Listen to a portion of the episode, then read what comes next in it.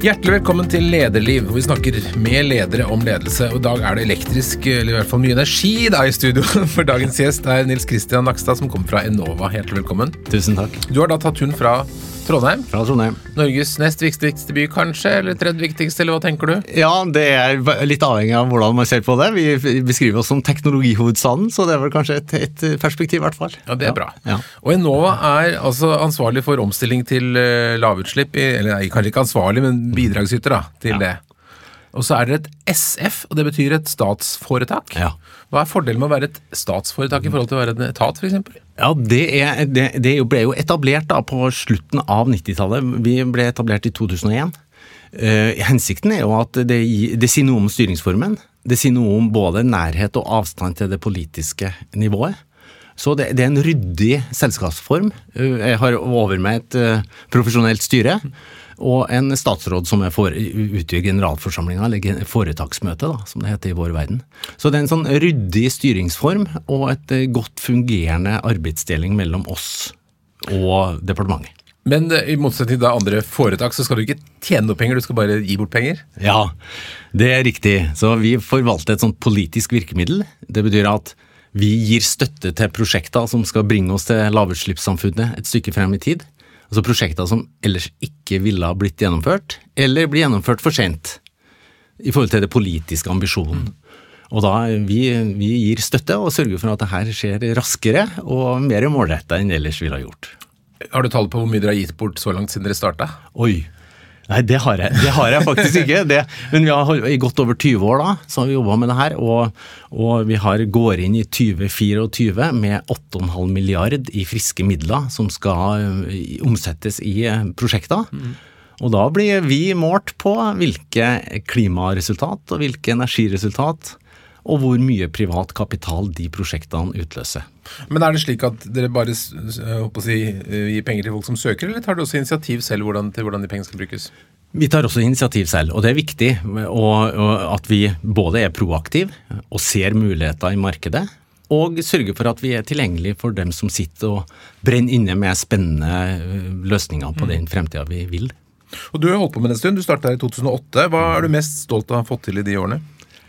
Har dere, har dere bidratt noe til at verden er blitt noe bedre? Ja, det, det måles vi jo på, så vi har jo tall på det. Eh, det, som, det som er viktig i en sånn rolle, det er å forstå samspillet mellom det markedet man prøver å endre, og politikken og de politiske behovene til enhver tid. Og det å, det å sørge for at det er god rolleforståelse, det å få stadig fornya den tilliten som ligger i det grensesnittet mellom politikken og markedet, det, det, har, det kjenner, jeg, kjenner jeg på at vi ansatte i Enova har grunn til å være stolt av. At vi, vi, vi har ivaretatt og dyrka den rollen på en sånn måte at vi stadig får fornya tillit. Er det ett prosjekt du vil trekke frem som virkelig har redusert energiforbruket i Norge? Um, vi har, vi har det, det som ofte skjer når man forvalter statsstøtte, det er at man danner grunnlaget for en nye standarder. Og noe av det som vi omtaler noe som en selvfølge, det er jo luft-til-luft varmepumper i, i, hundretusenvis av antall. Vi har ny byggestandard for passivhus, altså nullutslippshus.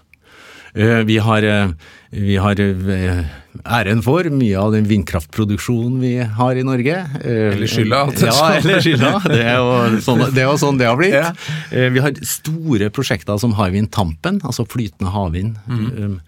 Eh, Og så er det det mangfoldet av prosjekter som kanskje er det spesielt hvis man går i detalj på det vi har gjort i de årene, så Mm.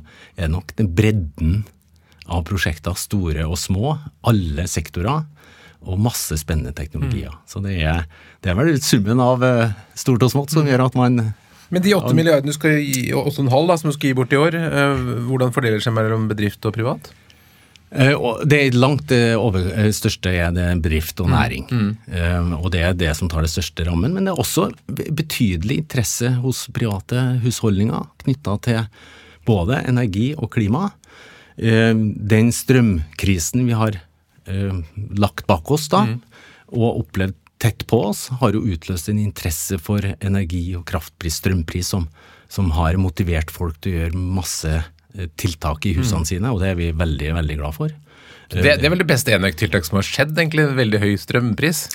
Ja, og da er det jo, det er jo litt sånn vanskelig å sette ord på det, men det er klart at hvis ting blir for billig, så husholderer vi ikke godt nok med, med det. Så, så, for oss er det viktig at prisen er, gir uttrykk for den verdien den varen har. sant? Men, men, så store svingninger og så høye priser som vi har opplevd i perioder i, i senere årene, er jo ikke ønskelig og ikke heldig. Det blir jo uforutsigbart og ikke bærekraftig. Så en fornuftig pris på strømmen som gjør at vi sparer og gjør de tiltakene som, som er smart å gjøre, det, det er viktig. Så dere skal altså flytte folk fra fossil til elektrisk, og helst da minst mulig elektrisk, er vel poenget. Altså bruke elektrisk strømmen så lite som mulig av den.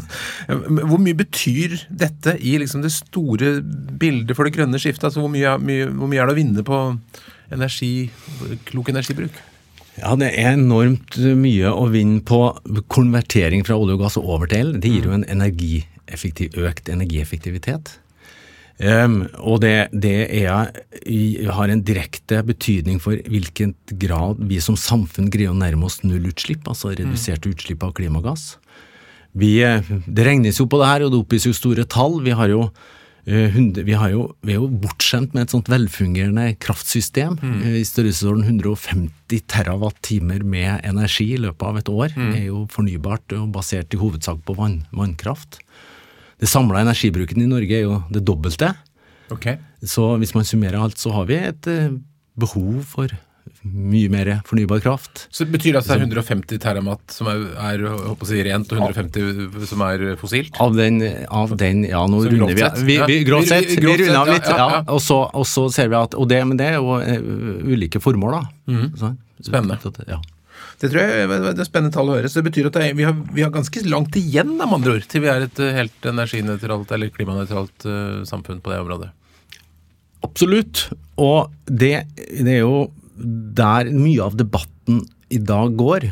Nemlig at vi har uh, et klimamål, en forpliktelse mm. og en ambisjon om å nærme oss nullutslipp. Det representerer et enormt behov for ny fornybar kraft. Og det igjen har sine kostnader knytta til natur, areal, mange hensyn å ta. Mm. Og for øyeblikket, så, for øyeblikket så går ikke det der regnestykket helt opp.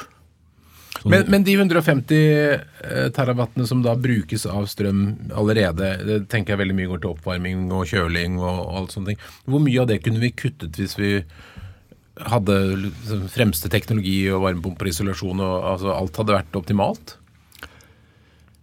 det er vi vi kunne ha konvertert Store, store spørsmål. ja, men, men, det, det, men, det, er veldig gode spørsmål av to hensyn.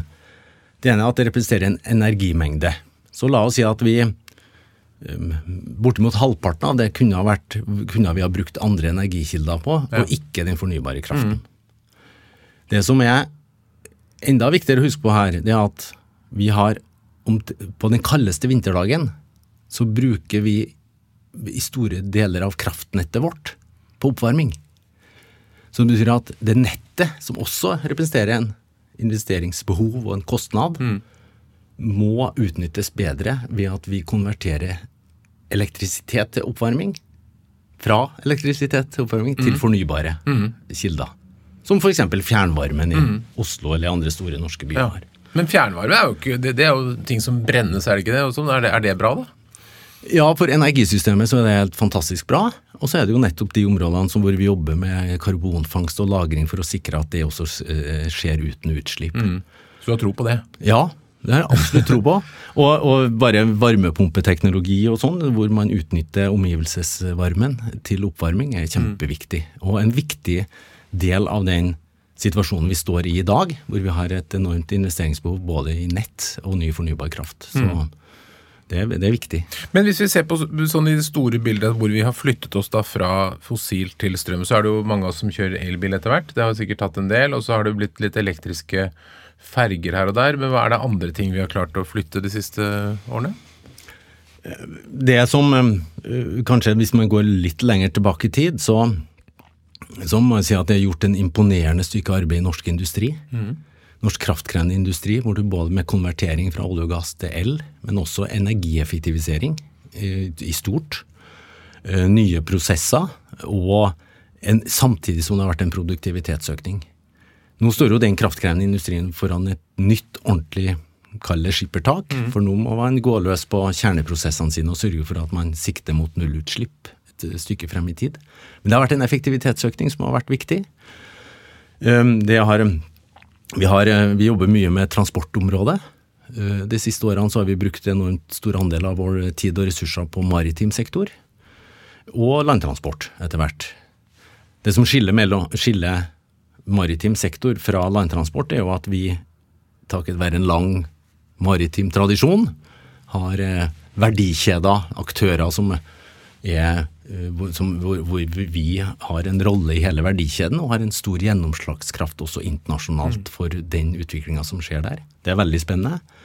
Og så har vi vist oss gjennom elektrifisering av personbiler at vi er jo et eh, fullskala laboratorium for eh, elektrifisering av, av landtransporten også. Ja, Er det jo en del i Oslo som ikke er så fornøyd med å være en del av det laboratoriet, på, i hvert fall på kollektivtransport? da. Vi har jo hatt noen elbusser som har stått stille i vinter og sånt. Ja.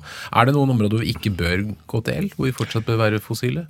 Vi har eh, ja det, det, ja, det er det, jo helt sikkert også. Så på, I andre enden av det her så vil vi komme til å sitte igjen med en, en begrenset andel utslipp. Mm. Men det når vi opplever sånn som vi gjør i vinter med det ekstremvær og temperatur og snømengde og sånn, og vi ser at samferdselssektoren sliter med den nye teknologien, så er det veldig, ja, veldig uheldig. Mm. For at det oppleves å være altså For det første så er jo mye av det vi opplever nå en naturlig del av en utvikling. Men det er klart at hvis vi går for fort frem, så skaper det motstand. Og det skaper de dårlige historiene. Mm. sant? Og da taper vi fart. Så vår rolle som virkemiddel i den verdenen her, det er også å sørge for at vi tar de nødvendige stegene fra teknologien er på i laboratorieskala mm. til fullskala. Så vi følger alle de teknologiene vi jobber med fra en idé til at det er grunn til å øke volumet. Mm. Og når det går for fort, så opplever vi at vi blir satt tilbake. Og så er det en rekke uheldige omstendigheter knytta til, til, til, kollektivtrafikken, da, og her i hovedstaden, som, som, i sum ble veldig uheldig, mm. men som ikke alene kan skyldes, kan forklares med teknologien. Så, så, men eh, en, en, det må være Altså det, vi, vi, vet jo hvor, hvor, slitsomt det er og krevende det er i sånne situasjoner, men på andre sida så er jeg sikker på at vi lykkes. Men tenker du at det er litt ødeleggende for, for saka når det skjer sånn som i vinter? Ja, i det korte bildet så er det jo det. Mm. Men, men i, her gjelder det og Vi står i et skifte, og vi vil oppleve at uh, ting fungerer smertefritt og mm. flyter bra, og så vil vi oppleve den typen setback som, som i det her. Og det, mm. det er nettopp den det er nettopp den risikoen vi opplever som er vårt ansvar å redusere. Altså Statsstøtten egner seg til å fremskynde ting mm. og avlaste for risiko, teknisk risiko også. Så det her er i et sånt skifte så, så, tror jeg vi skal venne oss til at det her mm. kan skje, og så er det jo beklagelig når det skjer, selvfølgelig. Du er jo sivilingeniør og utdannet da innenfor uh, bl.a. energieffektivisering og varmepumper for omtrent 100 år siden, 1987. ja. uh, skjønte du den gang at dette var liksom Eh, at vi sto foran sånn grønt skifte som vi skulle nå, eller, eller syns du bare varmepumpe var litt artig å jobbe med? Eh, det, det, der, og det har et godt spørsmål. Jeg hadde, eh, Som student på NTH så var det det på det tidspunktet hvor olje- og gassbransjen tok, tok helt av i rekruttering og i, i, behov for folk. Så det var mange som ble trukket dit, som var kjempespennende, og som har vist seg å være en, en fantastisk historie. Mm. Og så kjente jeg på en sånn en, var, Vi hadde noen fantastiske professorer på det området som jobba med grunnleggende kuldeteknikk og forståelse av det vi snakker om nå. da, mm. Fornybar varme, varmepumpeteknologi, mm. energieffektivisering, mm. behandling av mat, frysekjeder og sånn. Det var flotte folk, flinke formidlere, og da ble det et sånt eh, De greide å skape den forståelsen og gløden for det som uh, jeg har hatt Så det var de rare som, som ikke ville gå til oljen, ja, vi, eller, putte med kjøling? ja, den gangen var vi rar. Ja. Og så er det litt morsomt å tenke på at uh, det står seg den dag i dag, da. Og jeg, har, og jeg har gleden av å jobbe med, jobbe med detaljene i de teknologiene mm. her, og, og det, å, det å jobbe med ja, alle teknologier mot alle sektorer, mm. egentlig, og, og, også bygge videre på den forståelsen som jeg fikk en smakebit av den gangen. Det er jo en privilegium. Men er det vanskelig å tenke tilbake hva du egentlig tenkte den gangen? Men Husker du om dere snakket om at dette var liksom løsningen på klimakrisen, eller var det bare en Jeg hadde ikke Vi- begynt å tenke på det ennå. Nei, vi, vi, nei, det var ikke så mye klima. Men det var veldig stor grad bærekraft på energisystemet. Ja. Så de professorene som skapte den gløden da, den gangen, det, de forklarte hvor viktig det var å bruke omgivelsesvarme for oppvarmingsformål. Ja. Og vi lærte oss forskjellen, da, uten å bli for teknisk her, Mhm, mellom eksergi og anergi, altså Oi, det var ord jeg ikke kunne. Ja. Ja, ja. ja, det er ikke så veldig mange som henger med da. Men, og det er kanskje litt av problemet, for vi har jo bygd opp et, et vakkert eh, vannkraftsystem i Norge. Men hvor vi har glemt av at nettopp den høykvalitetskraften der må vi bruke på beste vis, og, og i større grad utnytte omgivelsesvarmen å, og, til oppvarmingsformål. Så den, den. Og så det vitenskapen jo står seg. for eksempel Hvis man har bygd seg et nytt hus, så er jo det tett som en termos, og så skal man drive og, og kjøre eh, et ventilasjonsanlegg hele tiden. Det, det virker jo litt sånn ulogisk at, det skal være, at man skal spare strøm på å ha et ventilasjonsanlegg gående hele døgnet. Ja, det der er en avveining. Og, og, og det er klart at det har noe med opplevd inneklima å gjøre. Og, og Jeg refererte jo i sted til når vi har vært med på en hel reise av teknologiutvikling og nye standarder i byggesektoren, spesielt altså passivhusstandarden bl.a. Så var det veldig mange eh, faglige perspektiver som måtte med i den helheten for å få det her til å gå opp. For det er jo som du sier, det er jo totaliteten som må henge sammen her, og det inneklima opplevd, opplevd kvalitet er kjempeviktig. Og det er mange hensyn å ta. Og så eh, har den standarden og praksisen utvikla seg til å bli veldig bra. Mange leverandører har deltatt. Og sørger for at det, de husene som bygges i dag, ivaretar den helheten på, en god, på en god måte. Både med inneklima og fornuftig energibruk. Og fornuftig materialbruk. På en sånn måte at det, det blir totalt sett veldig bærekraftige løsninger. Og, er- gode, og gode plasser å bo. Og dette er, hele, alt med klima er så stort, og det er så mange elementer, så det er vanskelig å skjønne eller liksom gripe helheten i alt. Men eh, ta, hvis vi tar en sving innom din karriere, da, så har jo du vært innom flere av de områdene du, du toucher. hvor du, du startet med, som ingeniør der, så jobbet du med Sintef, var forsker og leder her, og så var du i Hydro. Hydro er vel en sånn typisk bedrift hvor det brukes en del energi. Absolutt. Ja. Og da, Den gangen så fikk jeg gleden av å jobbe med en nye transportsystem for oppdrettslaks. Mm. Og det var jo på et tidspunkt hvor den bransjen også var i kraftig utvikling. Og, med, og da var det drevet frem faktisk av nye regler for resirkulering av materiale i eh, store marked som Tyskland og Frankrike, som satte nye krav til bruken av emballasje. Og eh, på, på den ene sida, men også behandling av fisken som råstoff på den andre sida. Så det var det prosjektet i Hydro som, som jeg, jeg gledes over den dag i dag. Ja. Og så har du et litt sånn rart karrieremessig Eller jeg skal ikke si rart, men litt sånn overraskende kapittel på CV-en din som heter Trondheim Preservering, som da vel var et, i utgangspunkt matproduksjon, var det det? Ja, ja. Hvordan, fortell hvordan det Hvordan der. det skjedde? Ja. Nei, det, det var så Og nå må jeg jo få lov til å være litt sånn personlig, da. For Ja, ja. At det, det, det, er, det var min, min svigerfar som, som da på det tidspunktet gjorde en eh, henvendelse til meg og spurte om jeg kunne tenke meg å overta familiebedriften. Som laget turmat og sånn? Ja, vi, altså på det, vi feira ikke lenge etterpå, så feira vi 100-årsjubileum. Og hadde da siden 1898 laga middags- og påleggshermetikk for det norske markedet. i, og i dagligvaremarkedet til slutt, men det starta å være hovedleverandør til de store uh, ekspedisjonene og militærforsvaret. Sant? Så vi har uh, skriftlig attest som sponsor for Roald Amundsens Jua-ekspedisjon. Så det starta der. Ja. og, der, og det, å, det å få lov til å få bli øverste leder av en, en sånn tradisjonsrik bedrift Jeg var leder nummer fire på nesten 100 år. Ja, okay. Så det var, og da var jeg jo Det var jo 93, som var jo da så vidt passert 30, 30 år. Og det var en, en veldig eh, flott og, og ble en god historie. Og et, et tett samarbeid med min svigerfar som, som jeg har hatt stor glede av. Men ikke sånn helt intuitivt for en mann som er ekspert på varmepumper, da.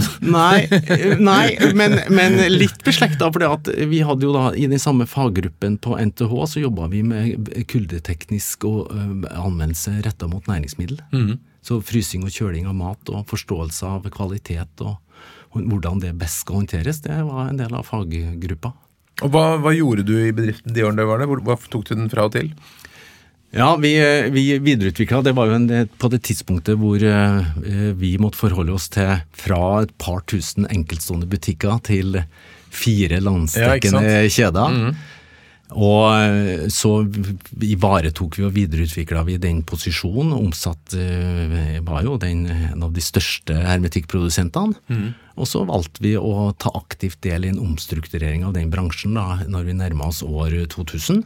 Og som endte opp med at vi solgte innmat i den bedriften mm. til eh, den gangen Nopal, som, som eh, overtok Ja. de produktene og, og det vi hadde Men det eksisterer fortsatt, gjør det ikke det? Noen produkter? ja, Ja. og det merkevaren Trondheims, den eksisterer. Så Ja. den finnes i butikk i dag. Og jeg, jeg er tilbake nå i, i eh, Riber-systemet, som- og da etter hvert eh, Orkla-systemet. Så nå er ringen slutta. Fra, fra tidligere konkurrenter til å nå ha over. Er du da blant de som kjøper dette produktet? Ja, det, vi, vi, har, vi har et lite lager. Ja. absolutt. Og vi, vi, husker den historien med veldig stolthet Mm. og veldig glede og, ta, og takknemlighet for hva, hva det har betydd for oss. Men samtidig så må det jo ha vært litt vemodig å på en måte avsluttet en, en, en, en øh, hermetikktradisjon i den familien? Veldig. Veldig mye følelser, veldig mye uh, Veldig mye dis gode diskusjoner og klarsyn av uh, hele familien. eh, Og som i ettertid ble veldig positivt omtalt eh, som en helt naturlig grep for en sånn bransje å ta. Så, men der og da var det vanskelig. Og det å være fjerde generasjon leder og svigersønn eh, i den prosessen, det var det, Vi var grundige. Og vi hadde la opp eh, en del sånne f f f, ulike fremskrivninger av hvordan det her kunne utvikle seg. Og konklusjonen ble ganske klar om at det var betydelig overkapasitet i bransjen. Og det var på tide at det skjedde en strukturendring. Mm. Etterspørselen etter hermetikk den gangen var eh, stabil, høy, men eh, allikevel ikke, ikke så betydelig potensial for vekst. Så. Og kanskje en av de parallellene til, til eh, Enova da, som du kom til etter hvert, er jo at dette, det, det handler om omstilling og forandring, og hvor man både har en sånn rasjonell side, men også en emosjonell side. At man vet kanskje noen ganger sånn i et regneark hva man bør gjøre, men så er det noe med å, å gjøre det. Er det en utfordring for energiomstillingen i Norge? At vi henger litt tilbake i vaner og hvordan vi har gjort ting og sånn, eller er, er folk åpne for å tenke nytt og, og, og gjøre store valg? Ja, det som, og det- der er et helt nydelig spørsmål. Og vi, vi, vi har som ansvar å utvikle teknologi, og sørge for at nye teknologier blir kostnads, altså konkurransedyktige i markedet. Så skal vi være med dem et stykke inn i markedet og sørge for volum. Det vi, og det og vi er jo da i utgangspunktet teknologioptimister, sant? Vi tror på at det er et viktig grep. Samtidig så ser, vi, så ser vi i markedet at det er mange andre barrierer for å få den endringa til å skje. Og da er vi over i det etablerte, det vanen vi har. Og det at vi historisk har forholdt oss til energi sånn som vi har gjort, til klima som vi har gjort. Og det skiftet er da Vi må på ene sida sørge for at vi har teknologi nok, men samtidig så møter vi stadig flere barrierer knytta til atferd og forståelse, kunnskap. Og, og, det, og det at vi i Enova nå har ca. 100 ansatte, med alle fag, faglige bakgrunn. Og det er summen av den forståelsen som, som bidrar til det skiftet. Så det er helt riktig. Eh, Nå er vi der at eh, det å få folk til å forstå, det å ha troa på at vi skal få det til, og være flink til å fortelle den historien, det blir helt avgjørende fremover for å lykkes. Men så er det opplever jeg at det er litt sånn Det kan komme eh, nye ting, og så er det en fordel ved det, og så plutselig blir den fordelen borte. Altså, En ting er jo som elbil, hvor man hadde veldig mye insentiver først, og så er de kanskje ikke så store, men så har du på solceller eksempel, så fikk jo folk veldig flotte var veldig, Man kunne selge strøm og bruke strøm og sånn, men så kommer det avgifter og begrensninger og sånn. At er, Det er vel en utfordring at det sånn, noen ganger er litt usikkerhet rundt de nye tingene, at man blir litt sånn redd for å prøve å kaste, at man tør å kaste seg på? Ja, Og da, Det der er noe vi vi er veldig opptatt av. fordi at det er jo klart at Mange av de, de gamle reguleringene vi har, lover, regler, forskrifter som vi forholder oss til som samfunn, dem, dem må vi se på med et nytt blikk inn i det nye. Da må vi sørge for at det finnes alternative løsninger som svarer på det overordna behovet for reduserte utslipp og effektiv bruk av energi. Og det, og det er klart at vi introduserer nye teknologier i markedet, og så må vi på et eller annet tidspunkt også overlate markedet til seg sjøl og sørge for at det her skjer.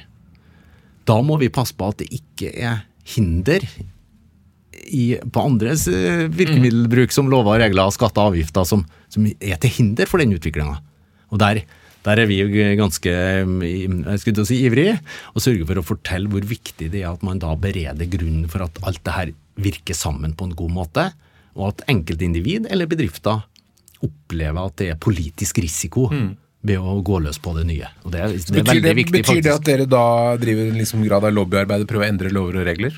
Ja, vi, lobbyarbeid, det, det, det overlater Det er vi til det andre. du bruker, nei. Men det, det betyr, det er at når vi sitter med så, en sånn kraft... Kunnskapsutvikling etter Ja, ja, ja da, men, men ja, jeg, jeg forstår hva du mener. Og, ja, og svaret er jo ja, at vi, vi, det kan forventes av oss som sitter med så store ressurser, at vi også har et blikk på hva som skal på plass fra for, politikken og forvaltningen for øvrig for å lykkes. Så vi har jo egen, egne folk hos oss som er eksperter på å se den helheten. Og vi har, gjennom at vi er statsforetak, vi møter politisk ledelse uh, jevnlig, vi har nær kontakt med forvaltningen og embetsverket, så formidler vi våre syn på hvordan det her kan gjøres, så ofte vi kan.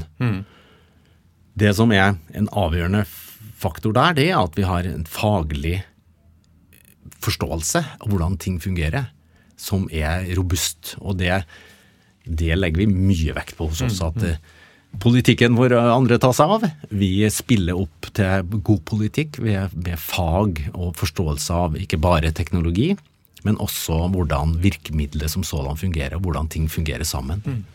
Så vi jobber, jobber mye med det, altså. Men nå, nå 8,5 milliard høres jo ganske mye ut når du får det, men samtidig så vi bygger et nytt regjeringskvartal, koster per nå 50 milliarder, får vi se om det blir 100 før det blir ferdig. Men, men kunne man ikke, burde man ikke investert veldig mye mer i dette her, hvis det er effektivt og gitt de problemene vi står overfor? Ja, det er, det er riktig. Nå, øh, altså Den samla norske økonomien er jo da, hvis vi fortsatt skal forholde oss til runde tall, så, så er det en sånn 3000 milliarder i som er samla verdiskapning. sant? Eh, da, I den sammenhengen så blir det her et lite tall. Det er da viktig at vi bruker det veldig målretta og effektivt. Men burde du ikke hatt 80 milliarder, liksom? Og så kan man jo si det. Eh, og samtidig så er det viktig at vi, vi har Vi utløser annen risikovillig kapital. Og det vi, vi er avhengig av, det er at når vi støtter et prosjekt La oss si Gi et eksempel hvis du har. ja, altså når vi, når vi eh, Hva er det siste prosjektet vi har tildelt da? Altså vi har eh, Vi støtter eh, hydrogen og ammoniakk som drivstoff på båt. Da er det sånn at merkostnaden av den båten som er knytta til de nye energibærerne, der tar vi en stor andel av. For å sikre. Men, Ja, men selve det, båten noe, det blir ikke noe gratis båt, men man får litt ekstra for å gjøre den bedre. Nettopp. Og det er viktig. Så har vi andre teknologier hvor vi støtter eh, 50% av hele. Eh, Hywind Tampen sitt flytende havvind, elleve møller mellom Snorre og Gullfaks-plattformen i Nordsjøen. Der støtta vi omtrent halvparten av den investeringa for å få det her på plass. Det betyr at når vi legger 8,5 milliarder på bordet, så må det finnes 8,5 milliarder i annen kapital som er villig til å bruke her. Så, så her er det, det om, om det er potensialet for å gjøre mer, ja det er det alltid. Og samtidig så er det jo viktig at vi, vi har en viss tålmodighet når det gjelder å utvikle den teknologien som er nødvendig også. Så, mm. så, um, og så er det vår evne til å fortelle politikerne om hvordan markedet opp, jeg skulle si oppføre seg, mm. hvordan, hvor mange ideer som finnes. Og fortelle politikerne de gode historiene om hva den gode politikken gir seg utslag i. Og da har politikerne vist evne til å prioritere det her veldig høyt, syns vi. Og Det gjør seg utslag i høstens budsjettprosess at vi fikk en størrelsesorden 50% økning mm. i vår ramme ved inngangen til året, og det, det er mye penger. Er det, er det, noen nye ting som vi ikke har hørt om, som liksom kommer til å være hokus pokus og kommer til å hjelpe oss langt fremover? Eller er det, er det varmepumper og, og, vindmøller det går i? Nei, det er, det er Vi har vel det omtrent Vi har vel navnet på mange av de teknologiene som, som vi skal forholde oss til i nær fremtid. Eh, det, det, er klart at Hva er det vi burde kjenne til av sånne store ting som kan hjelpe oss?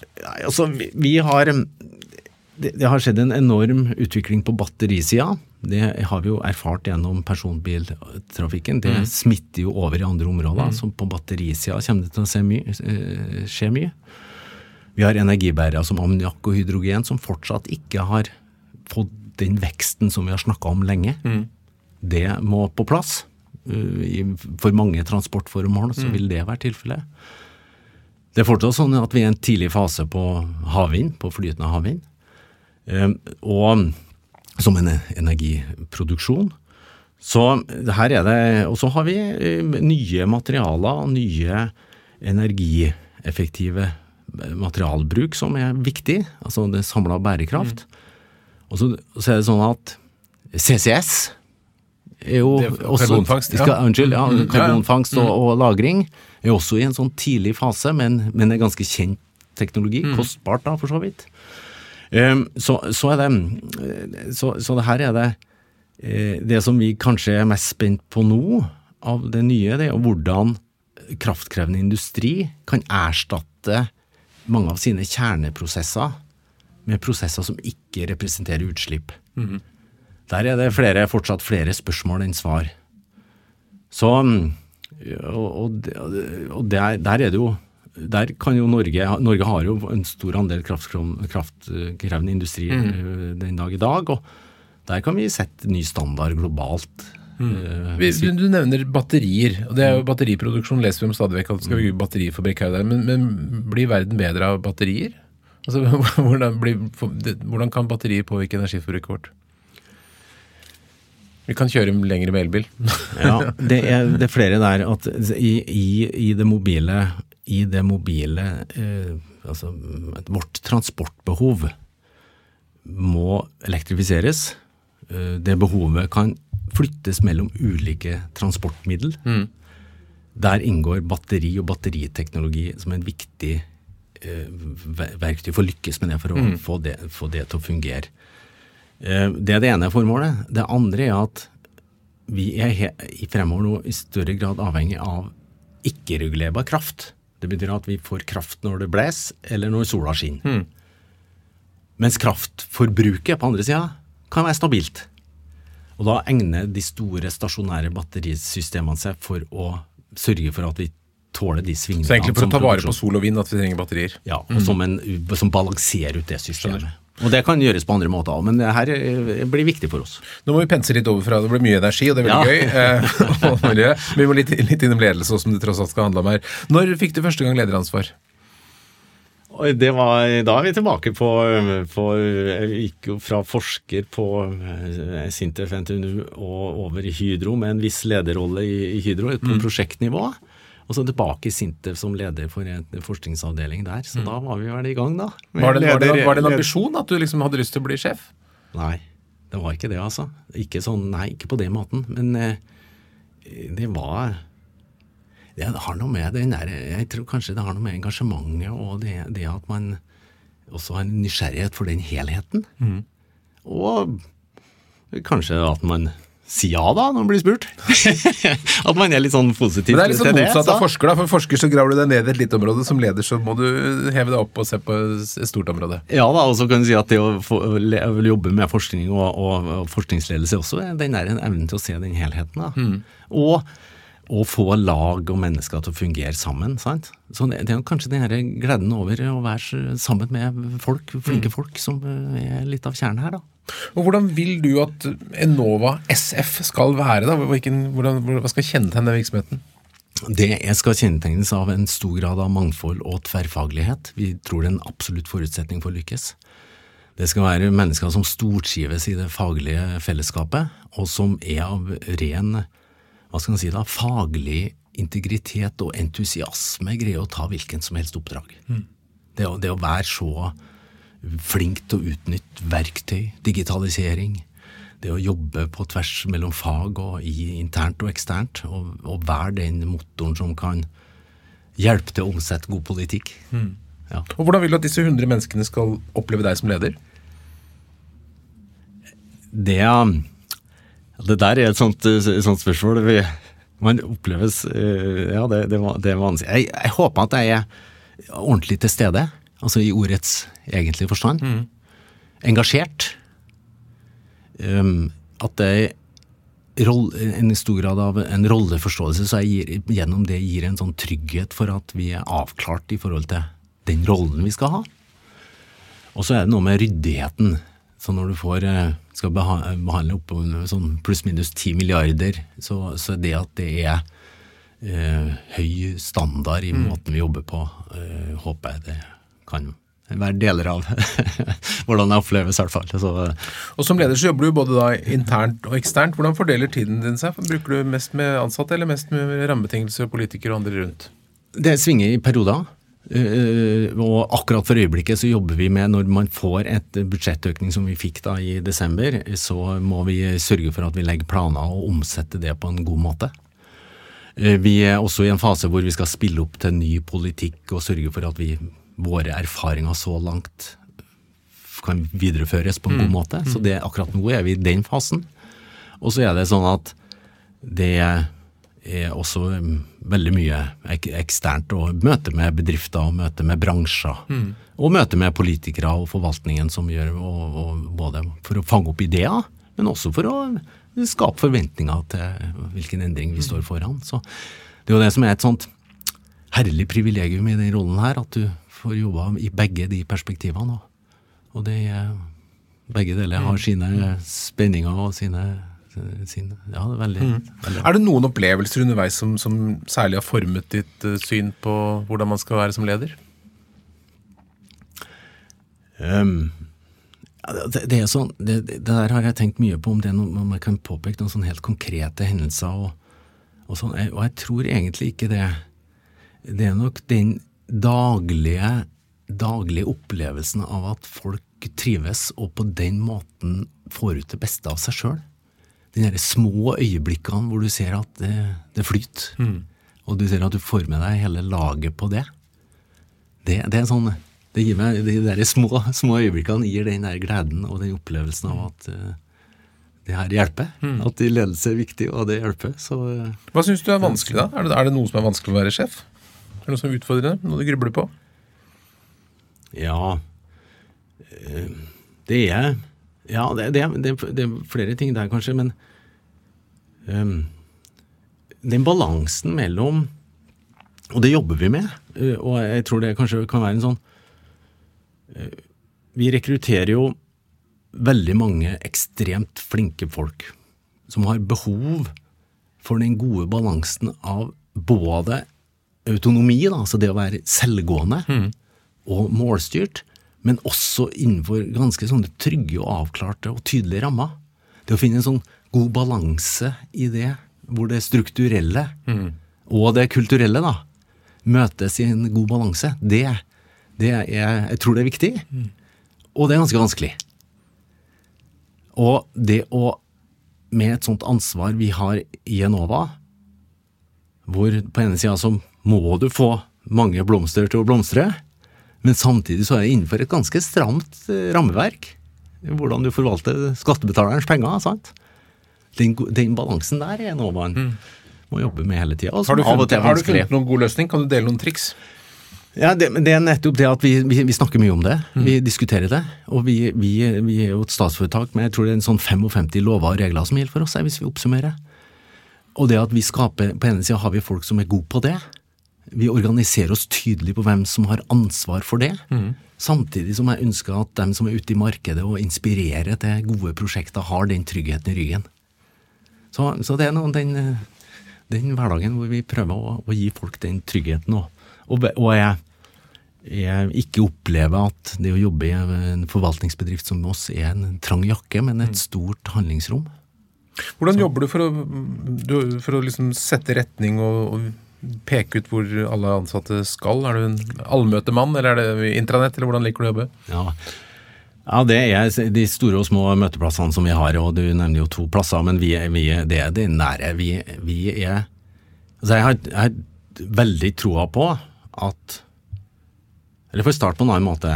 Vi Den overordna meningen og målet med Enova, omstillingen til lavutslippssamfunnet, et bærekraftig samfunn, fortsatt vekst og velstand, den historien eh, lar seg fortelle og lar seg begeistre. Mm. Folk blir entusiastiske av det. Allikevel så vet vi at det er masse saksbehandling, det er masse fag, det er masse ting, detaljer som må på plass. Og det å bygge bro mellom det overordna målet og formålet med virksomheten, og det målet en enkeltmedarbeider må forholde seg til hver dag, det bruker vi mye tid på. Og noen ganger så lykkes vi, og noen ganger så lykkes vi ikke. Med å fortelle hva, ja, men hva, hvor viktig er ikke din egen lille del av det hele for helheten? Og hvorfor gjør vi det vi gjør?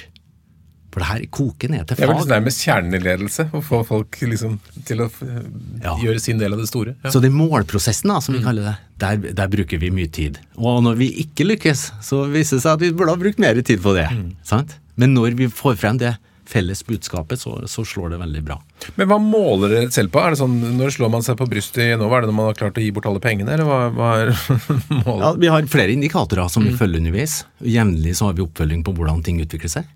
Og det starter med eh, store tall og store pengebeløp og store energibesparelser og reduserte klimagassutslipp, men også mindre indikatorer knytta til, til ulike mål, mål, måltall. Så vi har jevnlig oppfølging av det. Og så har jeg også veldig troa på at en leder skal ha et begrensa antall relasjoner å ha oversikten over. Så vi har organisert oss sånn i virksomheten at vi har ledere på ulikt nivå, og hver enkelt av de gruppene som vi har organisert oss, ikke skal være for stor. Hva tenker du er et passe tall? Ja, vi er- prøver, og vi, vi er ikke noe særlig over ti stykker, nei. Nei. For da blir antallet relasjoner for, for stort. Og det er vanskelig å være den gode lederen som legger til rette for at folk skal vokse og trives i, i fellesskap. Så, så det, og det eh, jobber vi med. Vi har et leder- og utviklingsprogram gående nå som tar det opp i seg. Og det, det gjelder jo på alle nivå.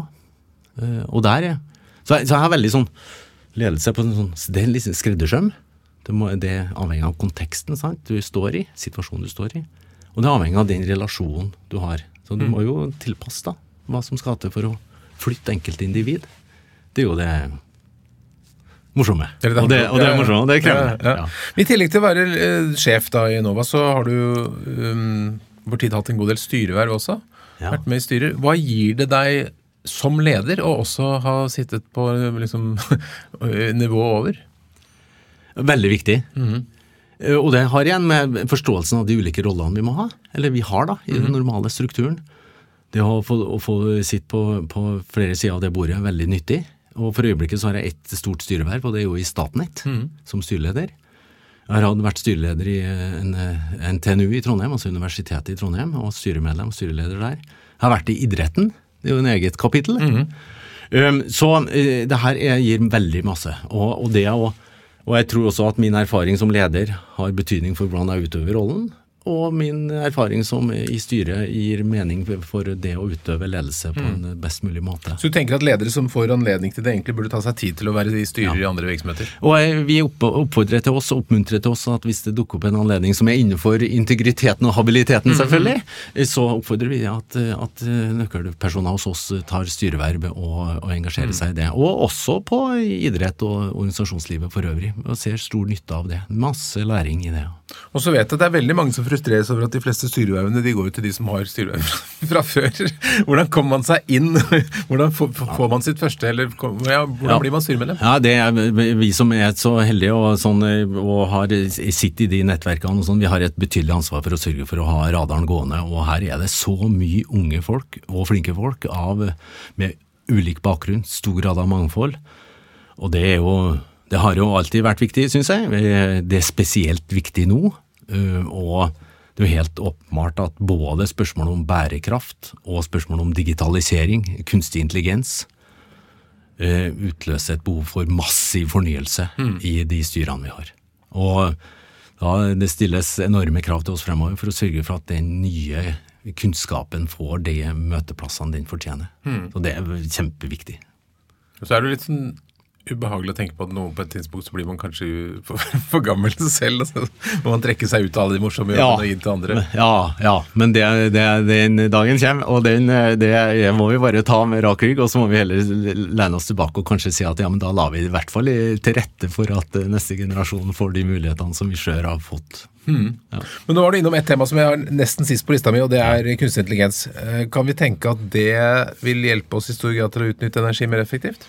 Ja, og da, Du spurte vi se om hva vi ser noe fremover, som, som vi ikke aner helt konturene av. Mm. faktisk, og Da er det jo hvordan vi utnytter kunstig intelligens, digitalisering i stort, for å både utvikle uh, nye løsninger, uh, styre den, uh, de prosessene vi har. Mm. Vi, det kommer til å endre samfunnet, det kommer til å endre måten vi lever på i veldig stor grad. Og så det er, og gjort riktig, så kan det bygge opp under et bærekraftig samfunn, også med energi og miljø og klima tatt i betraktning. Mm. Veldig avgjørende. Og vi ser jo at mange av de industriprosjektene eller prosjektene vi har fra næringslivet nå, har elementer av digitalisering og kunstig intelligens i seg, mm. og som legger til rette for helt nye forretningsmodeller som også er bærekraftig. Mm. Så det er et viktig del av det svaret vi, eller situasjonen vi står i. Og hvis vi legger eh, lederrollen og, og, business og jobb litt til side et øyeblikk og snakker priv som privatpersoner, hva bør vi alle sammen gjøre for å spare energi? Ja, det er jo både energisparing Kan du reklamere nå for søkeordningene dine? Ja, absolutt. Og, er, og, vi har jo masse tiltak som går på husholdningene og hus og, hus og hjem og hytte og, og, og sånn. Så, så, er det nok at den der kunnskapen og forståelsen av hvordan ting henger sammen, det valgene vi gjør av uh, forbruk, reise, uh, alt det vi utstyrer oss med, uh, det er ulike valg vi gjør i stort og smått som har til sammen har en enorm stor betydning. Mm. Så det, det, er summen av de smått, og, og det å smake litt på at um, Norge representerer jo en ganske liten del av verden, men vi, i det store så går vi foran og viser vei på mange områder. Det betyr egentlig at hver og en av oss kan gjøre en forskjell. Mm. Så det er liksom ikke noe som blir for smått. altså. Så tenk litt på at det er de små valgene i hverdagen som bringer oss fremover, både i redusert energibruk, men også i, på en bærekraftig måte. Ingen kan gjøre alt, men alle kan gjøre litt, som Blekkulf vel sa. Ja. Eh, helt til slutt, hvis du skulle gi eh, tre lederråd til en person som har lyst til å bli sjef i Enova eller et annet sted, hva skulle de tre rådene være? Jeg vil si eh, god faglig forståelse, god forståelse for rollen, og balansere tydelige og gode strukturer med stor oppmerksomhet rundt det kulturelle aspektet og ferdighetene som er, og, og, ting som skjer mellom mennesker som får ut det beste av folk. God råd. Jeg ønsker deg lykke til med din kamp for å redde verden. Håper at du kan bidra enda mer i årene fremover. Det trenger vi. Takk for at du kom til dette.